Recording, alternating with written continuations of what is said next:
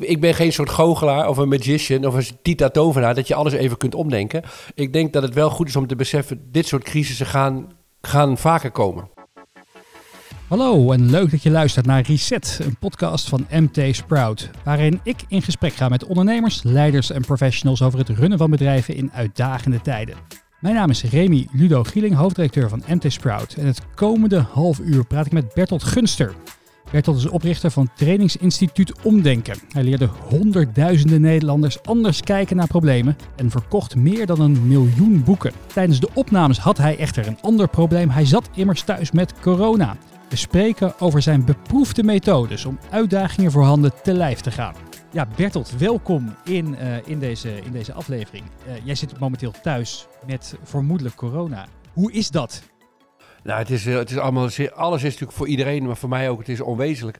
En ik leef natuurlijk in een soort schemergebied, want ik heb geen erge klachten, maar ik heb met de huisarts gebeld. En zoals het eruit ziet, uh, heb ik het wel.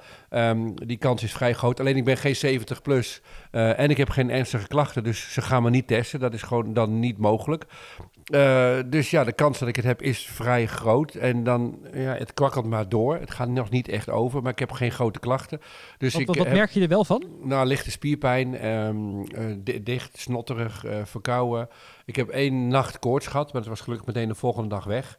Um, dus het kwakkelt zo wat door. En als de corona niet zo heerst, zou ik, zou ik denken, nou ja, schouders ophalen. Ik zou waarschijnlijk zelfs gewoon gaan werken, allemaal dingen gaan doen.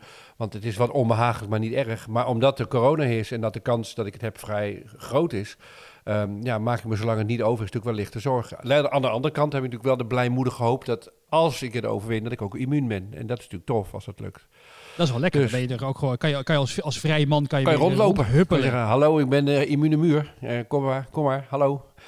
maar, hoe, uh, hoe, hoe, hoe werkt dat thuis? Ben je dan, heb je een soort quarantainegebied afgesproken met je vrouw? Ja, ja wij zitten allebei in, in quarantaine totdat de klachten bij mij over zijn. En dan houden we nog 24 uur aan. Uh, en dan voelen we ons allebei vrij om uh, ons onder de mensen te begeven. Tot, tot na de orde, hè? want er is voortdurend nieuws natuurlijk vanuit de overheid en de RIVM. Dus dat zijn de richtlijnen nu. Dus ik doe gewoon heel braaf mee met de algehele richtlijnen. We zitten in een uh, total lockdown thuis. Ja. Hey, omdenken. Je hebt, het, het is een, een, fenomeen in Nederland. Je hebt ongelooflijk veel boeken verkocht. Je hebt veel lezingen gehouden. Maar voor die paar mensen die nog niet weten wat je precies doet, kan je een korte inleiding geven. wat is en doet omdenken? Nou, wat we doen zijn shows, workshops, lezingen, trainingen. En op uh, internet hebben we een Facebookpagina, Instagram en een podcast die ook op Spotify is. Dus dat zijn de dingen die we doen. Dat is de wereld. En natuurlijk heel veel, heel veel boeken die gewoon uh, geschreven zijn en te koop zijn. Dat is de wereld van het omdenken. En wat omdenken in essentie is, is dat het een manier van denken, maar vooral ook van doen is. Hè? Want als je niks doet, dan gebeurt er vaak niks. Vaak zou je ook iets moeten doen. Waarmee je van iets waar je last van hebt, een probleem, een mogelijkheid maakt. Dus je lost het probleem niet op, hè, of je werkt er niet weg. Je probeert het niet te beheersen. Maar je kijkt wat nu dit probleem er is. Wat kunnen we, uh, welk voordeel zouden we kunnen creëren op basis van dit probleem? Dat is in het kort wat we doen en wat omdenken is. Dus dit, is eigenlijk een, dit zijn gouden dagen voor je. Er zijn dit, problemen, dit wat moet je ermee doen? Ja, ja en problemen waar, die je dus, en, en dat is cruciaal bij omdenken, problemen die je niet kunt oplossen. Problemen waar je klem zit of waarvan je het gevoel hebt, ik, ik kan er niks mee. Wat nu? En wat, wat? mij... Ja, sorry, ga je gang. Kan, kan je alles omdenken? Nee, nee. Het is heel goed om daarmee te beginnen. En sommige mensen denken dat wij een soort uh, positieve of blije doosbeweging zijn. Omdat ze ons misschien alleen maar kennen van die tegeltjes van Facebook of Instagram. He, van leuke quotes. En uh, ah, heb je maar één been, dan kan je toch leuk hinkelen. Ja. Uh, wat ik uh, niet zou adviseren. Het ziet er ook niet erg uit. Maar nee, niet alles is om te denken. Sterker nog, dat je, eh, mensen denken dat, uh, dat wij zouden zeggen dat je elke pijn of verdriet of frustratie om zou moeten denken. Maar omdenken betekent niet dat je problemen ontkent, maar juist dat je ze erkent. Dat je erkent, er zijn problemen. Oké, wat nu? Nou, en sommige problemen kun je niets mee, dan zit je klem. Maar het coronavirus, ik bedoel, we zijn in crisistijd. Ja. Nederland is volgens mij een van de betere landen om in te zitten. De overheid doet er echt alles aan om ons uh, overeind te houden. Dus uh, uh, alleen, je ziet wel paniek bij bedrijven ontstaan. Ja, en dat is heel begrijpelijk. Want voor heel veel bedrijven geldt als de omzet gewoon terug blijft lopen. Nou, dat geldt ook voor ons. Al, onze boekingen, shows, lezingen, alles maart, april gewoon echt leeggeveegd. Gewoon leeg. Mijn hele agenda is leeg.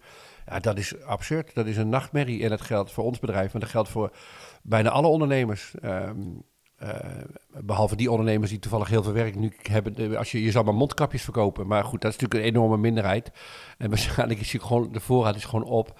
Eh, nee, dus voor de meeste ondernemers is dit gewoon echt een catastrofe. Ja. Hoe ga jij daarmee om? Want je hebt ook een bedrijf dat, dat vooral draait op, op, op trainingen. Oh, bijeenkomsten van mensen. Ja. Ja. Wij, doen dingen, wij doen dingen met bijeenkomsten met mensen. Dat is een heel goed businessmodel model in coronatijd. Ja, Ja, zeker Nou als, ja. je, als, je, als je zelf thuis zit.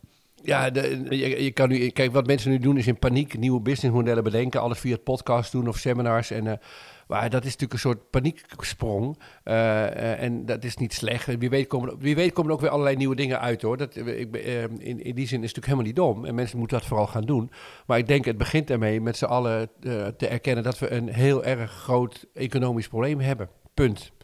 Punt. En dat heel erg onder ogen zien. En, ehm, en, en op grond daarvan eh, maatregelen nemen die, daar, die bij die grootste... Dus doen alsof er geen probleem is of leuk er iets van maken, dat is naïef. En dus wat de overheid doet, zo'n enorm pakket steunmaatregelen, dat is natuurlijk slim. En voor heel veel ondernemers die in, in zwaar weer komen geldt, ja, je, je moet nu conclusies trekken. En dat, kan, dat zullen misschien hele harde moeten zijn, dat je zegt, nou, we gaan gewoon bewust actief eh, naar een faillissement toe. Eh, eh, ik, ik weet het niet, maar er is gewoon in ieder geval een groot probleem. Het doen alsof er niks is, of dat je het wel om zou kunnen denken of op zou kunnen lossen, is naïef. Dus eh, eh, paniek is verstandig, laat ik het zo zeggen. Paniek is verstandig. Maar Maar de kunst is in vervol- paniek te zijn, zonder in paniek te zijn. Hoe doe je dat? Dat noem ik de shit-puntregel. Daar heb ik daarvoor bedacht. En die hoort, daar hebben we met omdenken heb ik een matrix bedacht. En, ehm, er zijn eigenlijk vier manieren om met een probleem op te gaan. Dat is omdenken is er één van. Maar oplossen is natuurlijk ook heel. Er is niks mis met problemen oplossen.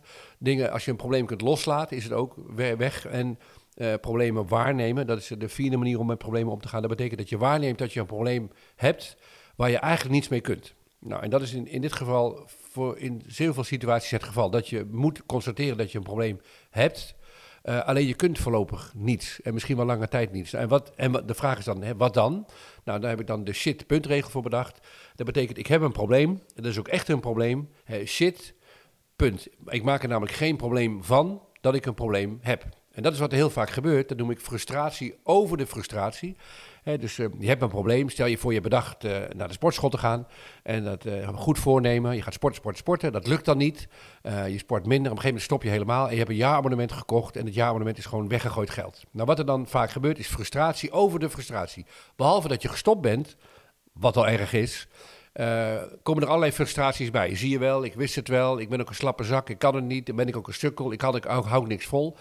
En het allerergste is dan dat je je- jezelf een enorme loser vindt. Als conclusie van al die frustraties over de frustratie. En wat er dan gebeurt is het helemaal erg. Dan vind je dat je dat van jezelf niet mag vinden. Dat je zelf geen sukkel moet vinden. Dat je dat los zou moeten laten. Dat lukt dan niet. En dan heb je dus nog een probleem bij. Omdat je vindt dat je iets los moet laten. Dus er zijn allemaal leemlagen van frustratie. Frustratie op frustratie.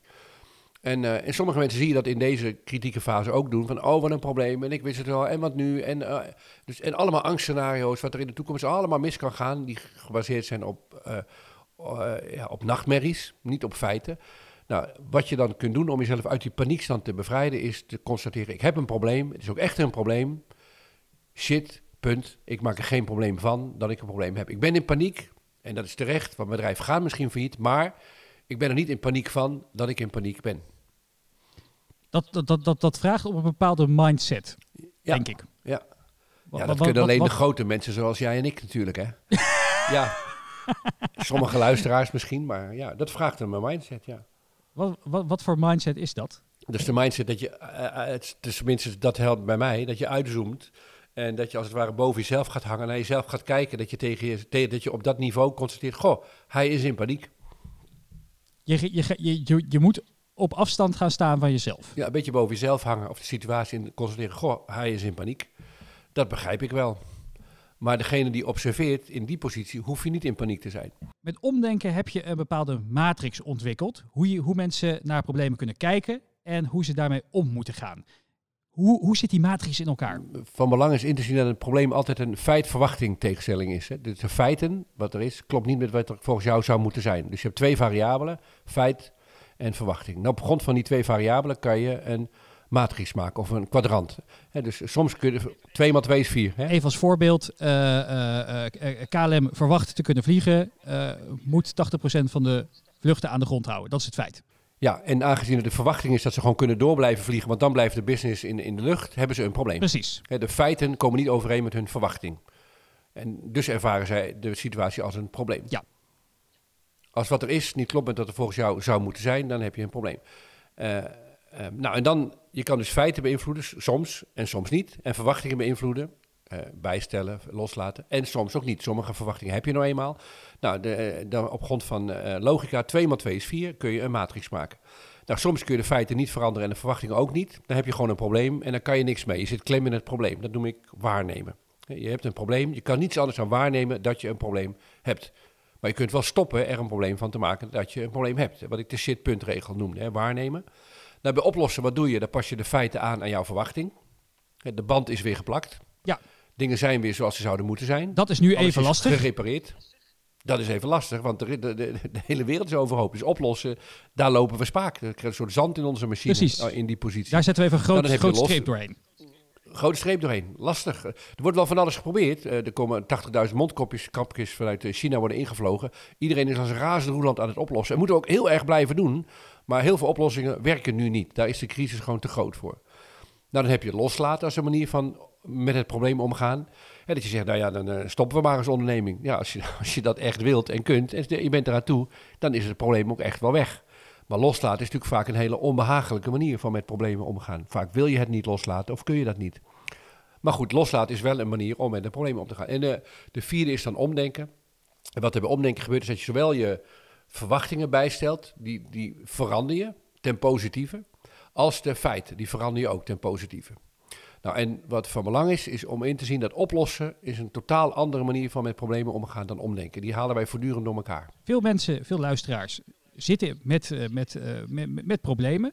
Kunnen het inderdaad niet oplossen. Willen het waarschijnlijk ook niet waarnemen. eh, maar willen wel creatief kijken naar mogelijke oplossingen. Wat zijn hand, handvaten om, te kunnen, om te kunnen omdenken?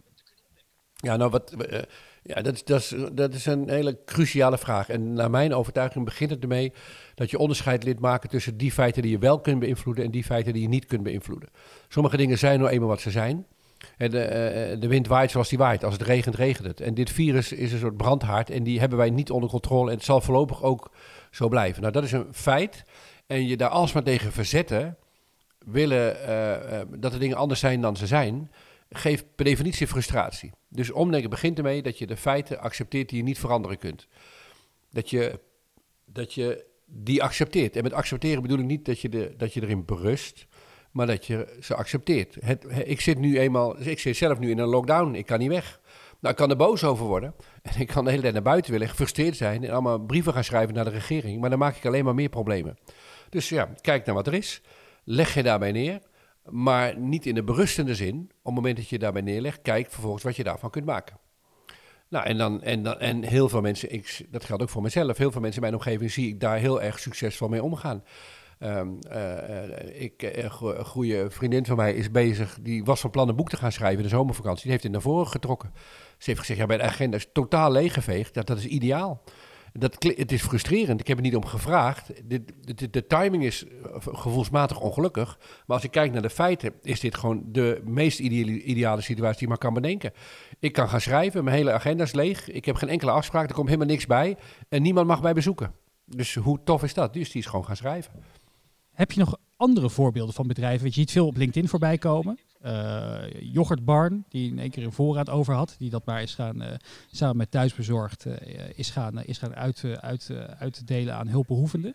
Wat zijn, heb je zelf nog positieve voorbeelden voorbij zien komen? Ja, als ik, als ik heel realistisch moet zijn, dan tot nu toe wat ik heb gezien, zijn allemaal eh, druppels op gloeiende platen. Mensen die eh, proberen via podcastbijeenkomsten te houden. En eh, voor ondernemers ben ik niet zo hoopvol. Het onderwijs is bijvoorbeeld anders. Je kunt heel veel onderwijs kun je, eh, heel goed digitaal organiseren. En dus in die zin ontstaan er echt wel nieuwe mogelijkheden. Of mogelijkheden die al bestaan worden verder eh, sneller doorgevoerd of geperfectioneerd. Dus dat zou je als een voorbeeld van omdenken kunnen zien. Maar voor ondernemers op grote schaal denk ik dat het gewoon goed is en realistisch om onder ogen te zien. Dit is gewoon echt een hele grote crisis. En eh, je kan maar leuke nieuwe dingen bedenken. En misschien, misschien dat er wel hoopvolle dingen bij zijn. Maar ik vind eigenlijk een, een, de vraag Niet wat kun je in paniek nu doen, want dat leidt allemaal tot korte termijn ideeën die allemaal onhandig zijn. Ik heb er niet zoveel vertrouwen in, op een enkele uitzondering na. De vraag is veel interessanter van wat als we dit overleven?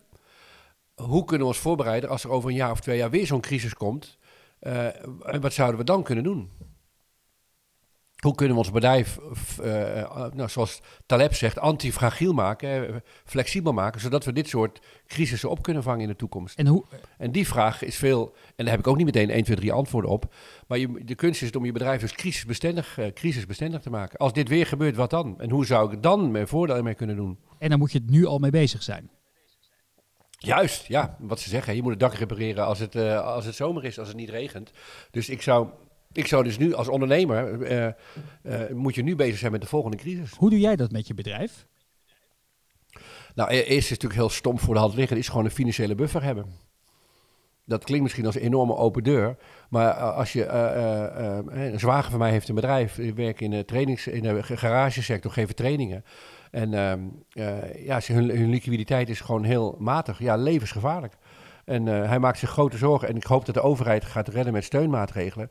Maar de les die ik eruit trek, ik ben heel erg blij dat we altijd stevige financiële reserves aangehouden hebben. Dat we alles personeel gewoon langere tijd kunnen blijven betalen. Waardoor we ook loyaal kunnen zijn als werkgever.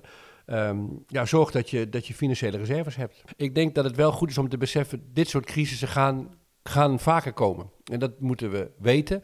En als jij dus als bedrijf uh, in, een, in een situatie komt dat je, dat, dat je langere tijd geen, geen opdracht hebt, wat dan? Nou, wat dan? En, uh, uh, en het begint met te accepteren dat die situatie gewoon weer gaat komen. Nou, als dat zo is, en dan zal iedereen voor zichzelf moeten nadenken. Nou, stel dat ik over een, een jaar weer een periode van twee, drie maanden geen inkomsten heb, wat dan?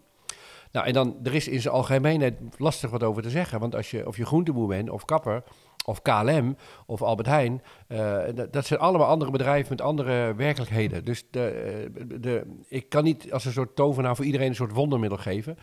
Wat ik wel kan zeggen is dat als jij niet erop voorbereid bent deze, dat deze crisis nog een keer komt, dan val je gewoon, als het niet nu is, de volgende keer om. En ik, ben, ik wil eigenlijk veel liever een groter vraagstuk uh, aanboren, is dat ik denk dat deze crisis ons heel erg bewust maakt van het feit dat we als mensheid heel kwetsbaar zijn, dat we als ondernemingen kwetsbaar zijn, als overheid, als economie. En de illusie dat we dingen in de hand hebben of dat de wereld maakbaar is, uh, is heel fragiel. Uh, dat wisten we met z'n allen wel. We, weten wel als het gaat om het milieu en uh, CO2-uitstoot en hoe we met de aarde omgaan, dat we aan de grenzen zitten van wat kan. Maar ik, ik heb de goede hoop dat dit een enorme wake-up call is voor de mensheid, deze crisis. Want hij is echt ongekend. Um, dat de vraag hoe kan ik als ondernemer overleven is heel relevant hoor. En dat is ook jullie invalshoek van dit programma. Maar ik zou een veel groter vraagstuk willen uh, uh, agenderen. Is hoe we als mensheid kunnen leren van deze crisis. Wat betekent dit voor hoe we met elkaar en hoe we met de aarde omgaan? En wat daarin zouden we misschien wel eens revolutionair anders moeten gaan doen? En er is heel veel bewustzijn dat het met milieu, het milieu niet goed gaat. Alleen de bereidheid om echt grote stappen te zetten is miniem. Maar wat je nu dus ziet is dat allerlei overheden wereldwijd opeens hele heftige ingrepen durven te plegen. Nou, dat we dat soort dingen kunnen, kunnen en durven en doen als mensheid, dat is hoopvol. En we kunnen het nu met deze crisis, omdat de crisis urgent is. We hebben het een soort brandend platform waar we op staan met z'n allen, dus we moeten nu wel.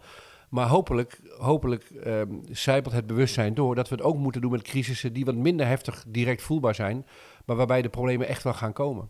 Want onze gezondheid, welzijn en uh, hoe we met de aarde omgaan, zijn belangrijker dan de korte termijn vraagstukken die we voortdurend agenderen. Het klinkt bijna als het onderwerp voor je volgende boek. Ja, dit, zou, dit zou zomaar kunnen.